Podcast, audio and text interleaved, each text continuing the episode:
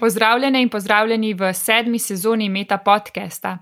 Danes je z mano nekdo, ki se bo to sezono pridružil kot so voditelj Meta podcasta in sicer to je Marko Drobnjak, ki je mladi raziskovalec na Inštitutu za kriminologijo pri pravni fakulteti, doktorski študij pa prav tako opravlja na pravni fakulteti. Živijo, Marko. Živijo, Zarja. Pa preden se dotakneva tega, kako to, da si se naši ekipi pridružil, se bova malo dotaknila tega, kaj raziskuješ, kot ponavadi v Meta podcastu. Torej, mi lahko na kratko poveš, eh, s čim se ukvarjaš, kaj, kaj raziskuješ. Trenutno sem eh, mladi raziskovalec na Inštitutu za kriminologijo, tako kot si uvodoma na kratko povzela in me predstavila. Sicer pa se v splošnem ukvarjam s preučevanjem jezika v pravu, malo bolj konkretno pa recimo s percepcijo govora v pravnih postopkih. Torej, jezik, govor sta te dve temi in, pa, in sicer v pravu. Ampak si ti že prej tudi študiral pravo, si pravnik, eh, kako je prišlo do zanimanja za to področje? Po predhodnji izobrazbi nisem pravnik, oziroma nisem bil neposredno v stiku s tem področjem. Eh, zanimanje za to področje pa je prineslo zanimanje za forenzično jezikoslovje, saj gre tam za pač preučevanje nekih eh, lahko besedil, lahko tudi govora ali česar koli, kar je povezano z jezikom, in to preiskovanje je običajno povezano z nekim kaznivim dejanjem oziroma interpretacijo nekega morebitnega dokaza. In pa je pravzaprav forenzično jezikoslovje me vodilo v to, da sem se pol poznaje prijavil na razpis za malega raziskovalca na našem inštitutu. Mhm, glede na to, da uh, forenzika mogoče je malo pride bliže, oziroma um, ta kriminologija, nekako jo lahko vidimo tam, tukaj pride pravo noter, si potem prej študiral jezikoslovje ali kako? Ja, predhodno sem študiral slovenski jezik in književnost, uh, kar pomeni, da sta oba, obe poli bili enako vredno zastopani, ampak uh, sam sem bil vedno bolj navdušen nad uh, tistimi predmeti ali pa nad tistim delom raziskovanja, ki se veže na raziskovanje jezika. Zaradi tega je potem tudi sledila ta izpeljava, pa pač nekaj bolj specifičnega, to je pa recimo govor oziroma fonetika, fonologija. In pa sem pač bolj glodal to temo in sem ugotovil, da je. Neko aplikativno, posredno aplikativno raziskovanje, kot je recimo lahko raziskovanje v navezavi s forenzičnim aspektom, tisto, kar me zares zanima. Kje pa sploh spoznaš neko tako dosta uh, eh, osko temo, forenzično jezikoslovje? Mogoče se spomniš, kako si se ti s tem spoznal? ja, ja, v bistvu se spomnim, kako sem. Mislim, uh, ja, spomnim se, na kak način je ta. Um, Na kak način me je to področje začelo zanimati, in sicer je Enkrat pred leti sem bil na študentski konferenci uh, v Zagrebu in oni so že takrat, to je bilo ne vem, zdaj že par let nazaj, ko je v Sloveniji recimo bila ta raziskovanje tega področja še relativno v povadih, z izjemo recimo forenzične psihologije ali pa nekih sorodnih pač pogledov. Forenzično jezikoslovje še ni bilo tako razvito oziroma popularno in tam sem na tej konferenci že videl, da v bistvu eh, študentke in študenti na filozofski v Zagrebu lahko v njihovi knjigarni kupijo čtivo oziroma knjigo, literaturo, ki se pač veže na to. Jaz sem takrat, ne vem, prek spleta se spoznaval s tem področjem, sem si downloadil PDF-je, tam sem pa videl, da dejansko že študenti, ki začnejo študijo, imajo vsaj prek izložbe in pogleda v svojo knjigarno stik s tem področjem, ki me je takrat začelo zares zanimati. In to je bila pa ta neka inspiracija, na podlagi katere sem začel še bolj podrobno raziskovati ta del jezika slove. In um, kaj pa pravzaprav je forenzično, um, forenzično jezikoslovje? Recimo, ti, s kakšnimi raziskovalnimi vprašanji se recimo ti uh, soočaš pri svojem delu? Z raziskovalnega vidika lahko samo področje imenujemo tudi jezikovna forenzika, kar je recimo slovenska, uh, slovenski pogled na to področje, oziroma slovenska teorija ga, označa, ga označuje tudi na tak način. Sicer gre pa za preučevanje recimo besedil, govora, uh, ki se vežejo na neko lahko posredno kaznivo dejanje, sicer pa najbolj enostavno lahko to opišem kot recimo ugotavljanje avtorstva besedila, ali je pač neko besedilo napisal avtor ena ali avtorica dva, in na podlagi tega preučevanja uh, avtorstva, ki je tudi recimo tradicionalno najbolj staro, najbolj popularno in vedno je to pač nek tak primer, ki navduši vsakega. Sploh recimo kakšna grozilna pisma, ki so potem v vseh teh knjigah, ki popularizirajo to področje, uh, izpostavljena in pravzaprav ugotavljanje avtorstva je eno izmed takih osnovnejših, eh, oziroma najbolj izpostavljenih delov, ki se potem, mislim, ki potem služi kot nek stik za poznejše, poznejši vstop v to področje. Kako pa to poteka? To recimo, če, če, če se odkrije neko grozilno pismo, pa se ne ve, kdo je avtor, lahko potem na podlagi kakšnih drugih njihovih njihovih pisem oziroma njihovih zapisov sklepamo, glede na povezave, glede na to, kakšen jezik uporabljajo. Ja, tako najbolj, mislim, v preteklosti so bile zelo razširjena takšna grozilna pisma. Če se recimo zdaj osredotočimo samo na grozilna pisma, ki so pač relativno pogosta tudi danes, da so bila.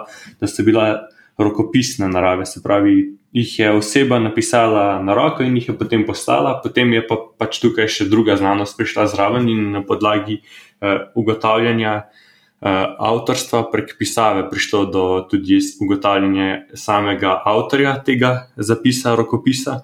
Medtem ko danes, ko smo prepleteni uh, sodobno tehnologijo in je večina besedil natipkanih, pa je ugotavljanje avtorstva recimo, relativno težje, in potem je tukaj potrebno, tako kot si recimo omenila, na podlagi nekih specifičnih eh, značilnosti avtorja, to so lahko recimo na podlagi nekega značilnega izrazja, na podlagi nekih značilnih. Eh, Slovničnih ali tipkarskih napak, ki se pojavljajo v besedilu, potem posamezna besedila ali pa krajše odlomke tekste primerjamo med seboj, in prek tega primerjanja med seboj se lahko potem, recimo, profilira eh, neke uporabnike in bliže, in pač pride bliže temu, kdo bi lahko potencijalni avtor bil.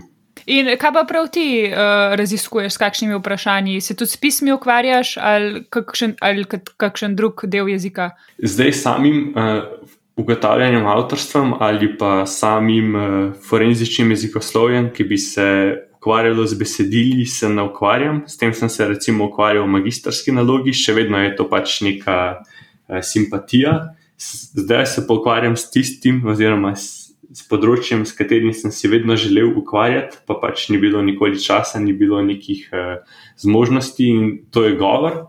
In če smo konkretnejši, gre za govor, percepcijo govora. In ravno tako če se izpeljem iz te percepcije govora, enkrat, ko govorimo o govoru posameznika, na podlagi govora lahko poteka tudi neko profiliranje, in v končni fazi lahko to povežemo recimo s prejšnjim področjem in imamo neko forenzično fonetiko, ker lahko pri recimo nekih klicih, ki se zgodijo na nujne telefonske številke. Ugotavljamo, oziroma profiliramo klicatelja, recimo, ali je pod stresom ali ni pod stresom, istočasno pa se lahko ugotovi, avtorstvo oziroma osebo, ki je po telefonskem pogovoru sporočila neko stvar oziroma opis kaznivega dejanja. Recimo, da to prepoznaš, to je samo na podlagi zvoka. Ko pa jaz vem, vem, da si v nekih predstavitvah tudi govoril o tem, recimo, da lahko pride do nekih pristranskosti pri sojenju, tudi na nek način, glede na, na govor, glede na način govora. Uh, in podobno. Lahko kaj več o tem poveš? Ja, eh, z veseljem. Eh, eh, kar se tiče samega, recimo, ugotavljanja avtorstva na podlagi fonetičnih oziroma akustičnih značilnosti, tukaj zelo recimo izstopajo anarovoslovci, ki se z. Zaradi fizikalnih lastnosti zvoka, potem z matematičnimi metodami ukvarjajo s tem, in so recimo tukaj relativno ob strani neke jezikoslovne značilnosti pri govoru. Sam se pa ukvarjam bolj s percepcijo govora, In sicer percepcijo govora pa lahko analiziramo na tak način, da lahko m, mm, zgolj na podlagi tega, kako se neka beseda izraža, ali recimo na podlagi barve glasu, uh, ustvarimo neko podobo o tej osebi, se pravi neko percepcijo, ali pa recimo, če se malce bolj neposreden, če ima nekdo govorno napako, lahko potem istočasno sklepamo neupravičeno ali pa upravičeno, uh, kakšna je recimo njegova stopnja izobrazbe. Če pa recimo stvar še preslikam uh, uh, na širše področje, se pa lahko recimo poleg tega da se pač preučuje, profilira posameznika na podlagi stopnje izobrazbe, tudi ugotavlja recimo njegovo geografsko izhodišče. Poznaš mogoče kakšen primer iz tujine, je bil kdaj ta način profiliranja že tudi uporabljen v pravu, kaj podobnega? Ali je vse to le nek del sestavljanke cele, ki jo imajo? Ja, gre pravzaprav za res eno eh, večjo sestavljanko, predvsem pa se recimo neke pristranosti, o katerih eh, bi mogel že na prejšnji odgovor malce več povedati, uresničujejo oziroma so bile raziskovane predvsem eh, v tujini, v Združenih državah Amerike ker so ugotovili, da ravno nerazumevanje nekih določenih izrazov, kar je povsem na ravni izrazoslovja, lahko vpliva na to, kako je neka oseba razumena, razumljena, in zaradi slabše razumljivosti nekega dialekta ali pa recimo uh, afriško-ameriške angliščine, potem pride do pristranosti tudi pri samem odločanju, in imamo recimo številne uh, znanstvene raziskave, ki poznajo tudi skozi implementa implementacijo poskušajo te nepristranosti zmanjševati, oziroma opozarjajo na to, zakaj pride lahko do takih pristranosti. Se pravi, oseba je lahko razumljena, oziroma se jo lahko interpretira kot manj suvereno, kot manj zaupanja vredno, kot neverodostojno, zgolj na podlagi tega, na kak način se izraža. Mm, ti pa eh, te vzorce izražanja oziroma govora preučuješ v Sloveniji, ne? torej na, na Sloveniji pri uporabnikih in uporabnicah slovenskega jezika. In uh, kako to sploh raziskuješ, vsa ta vprašanja oziroma to področje?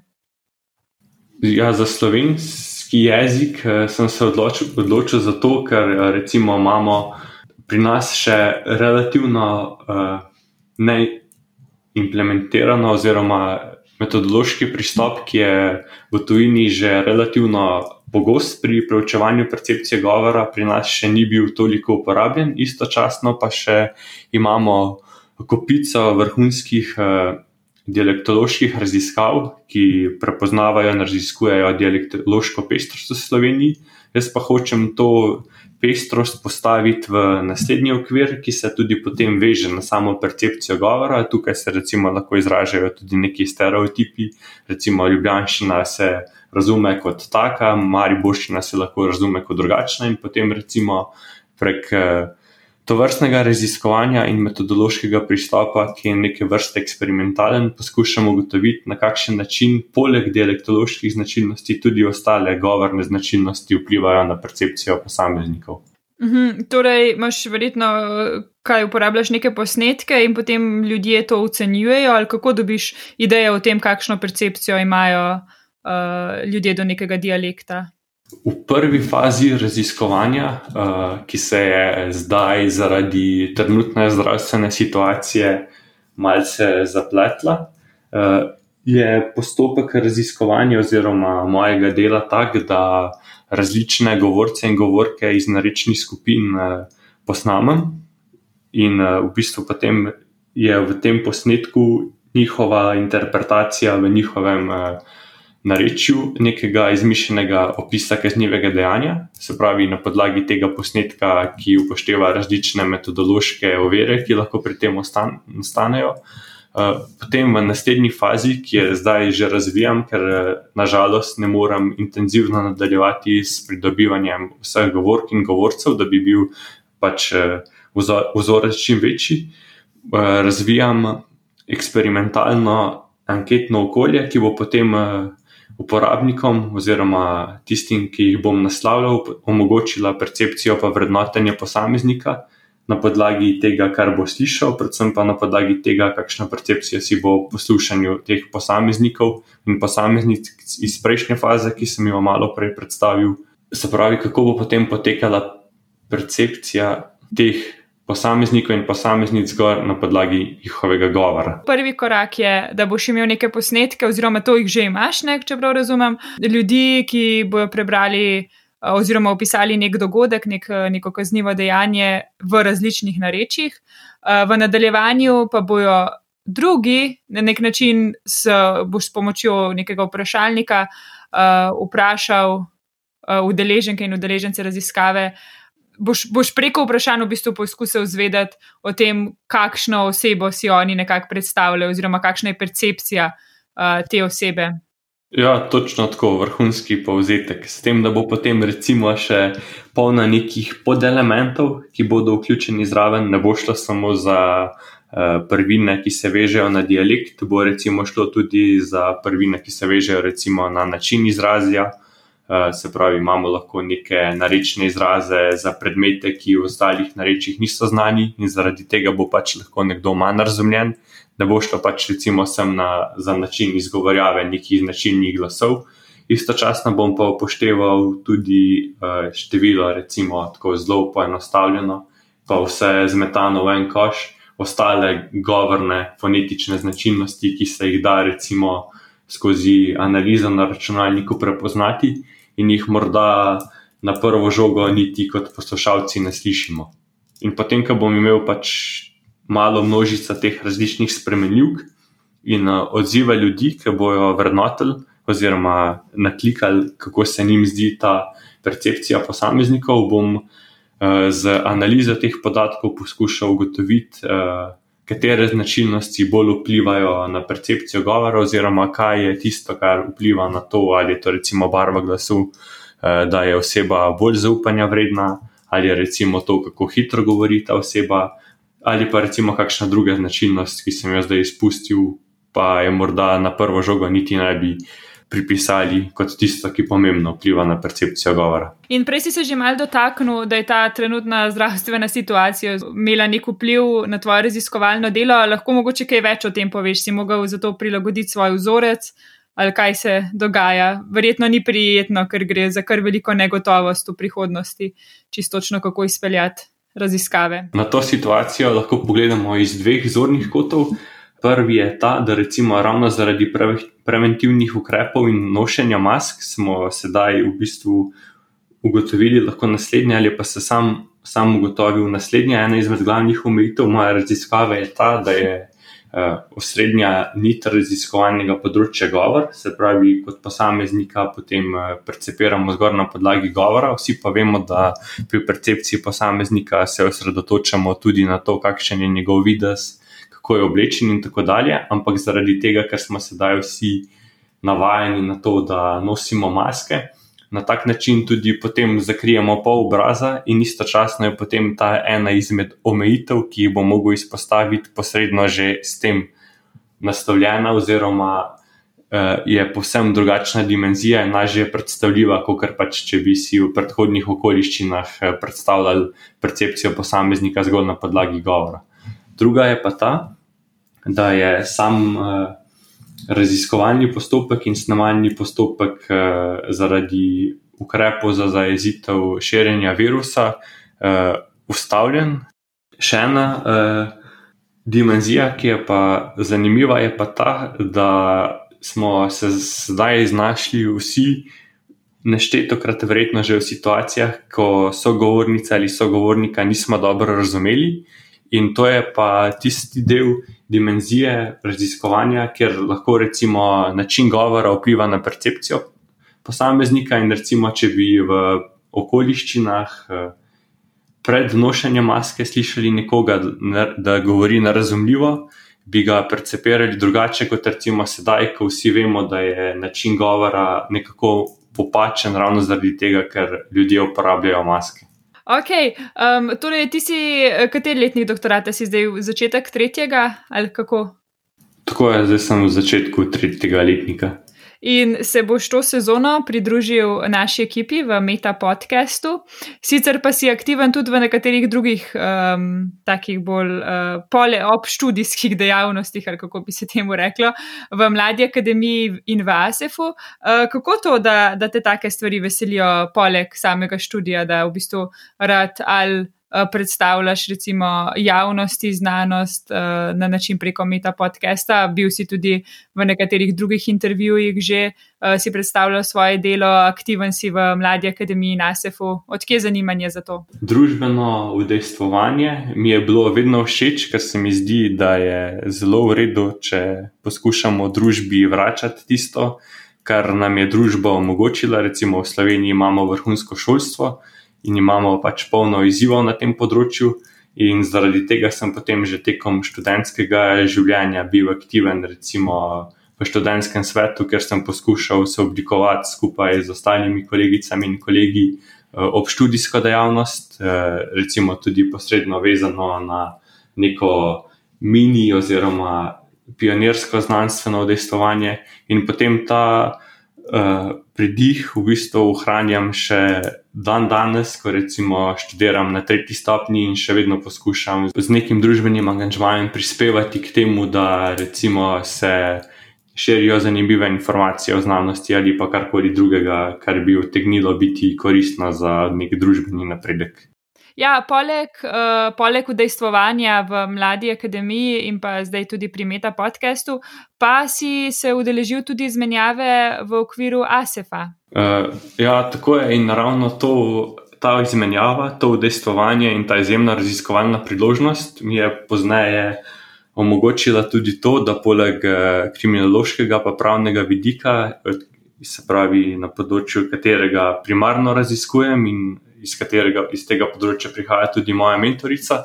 Na podlagi ASEF-a pa sem potem tudi spoznal svojega mentorja, ki je jezikoslovec, in potem eh, ravno ta izmenjava eh, je, oziroma raziskovanje obisk mi je omogočilo to, da bo zdaj moja doktorska dizertacija res kompletna, komplet, kompletna in da bo eh, celovito pokrito tako področje, ki se veže na pravo in kriminologijo, kot tudi področje, ki se veze, veže na jezikoslovje in jezik. No, mene uh, na vse veseli, da se boš pridružil Ani in meni v sedmi sezoni Meta podcasta, pa da te zdaj še malo boljše spoznamo, greva še na drugi del vprašanj.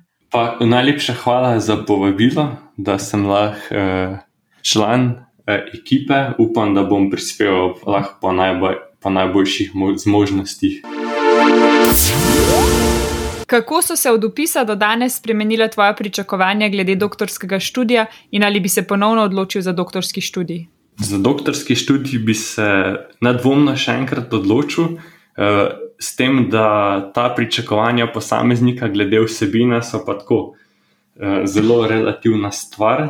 Jaz moram izpostaviti to, da sem svojo izkušnjo zelo zadovoljen, in istočasno je še zelo pomembno povdariti to, da je v tem zelo pomembna neka raziskovalna žilica, ki posameznika žene v to, da raziskuje neka področja, ki niso zelo izpostavljena. Kar pomeni naslednje.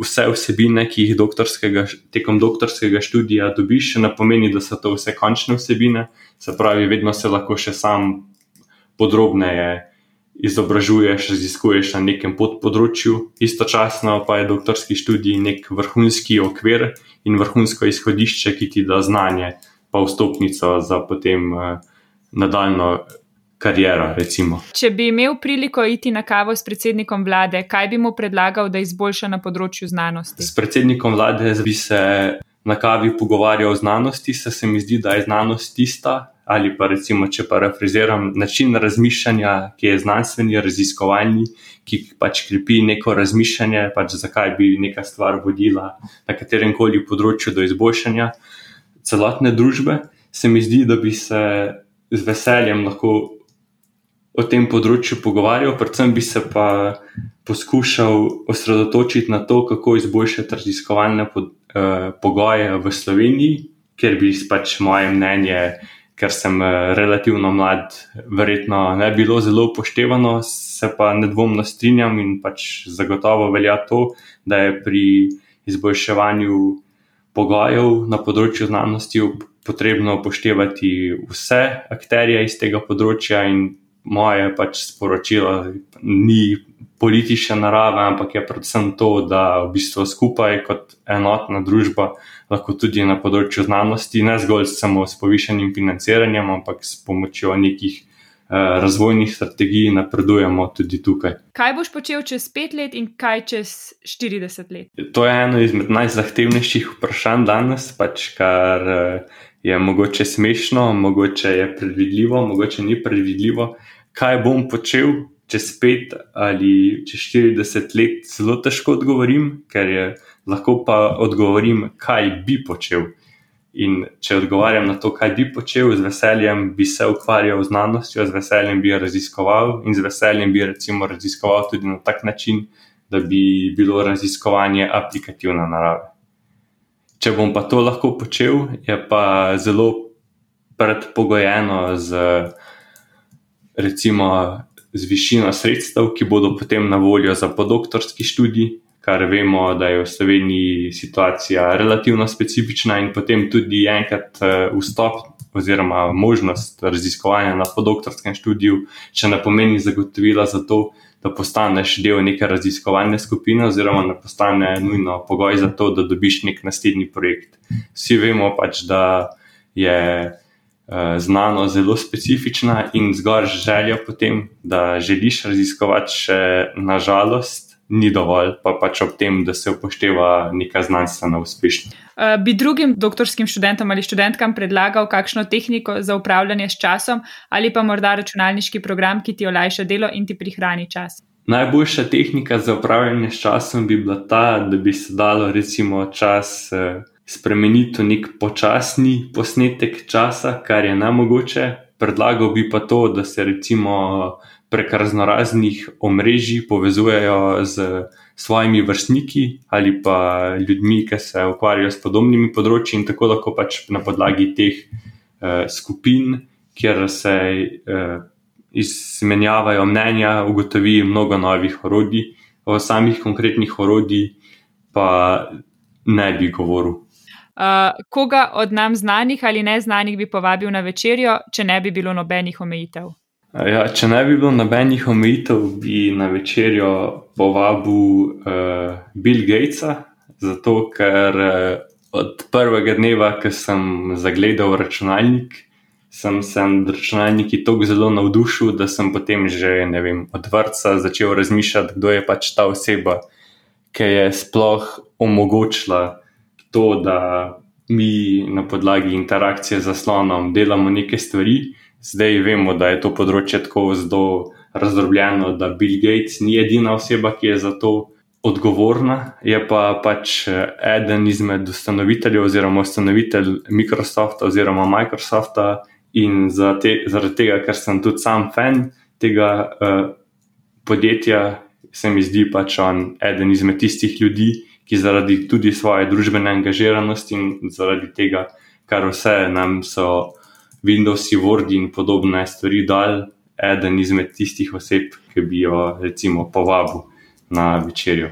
Super, hvala, Marko. Hvala za povabilo. Poslušali ste Meta podcast, v katerem se pogovarjamo z mladimi znanstveniki in znanstvenicami z različnih področji znanosti. Podcast domuje na spletišču metinalista.si, kjer najdete tudi druge zanimive znanstvene vsebine. Naše delo lahko podprete z donacijo Metini listi, pohvale, pripombe in predloge lahko posredujete po e-mailu znanost.afna.metinalista.si.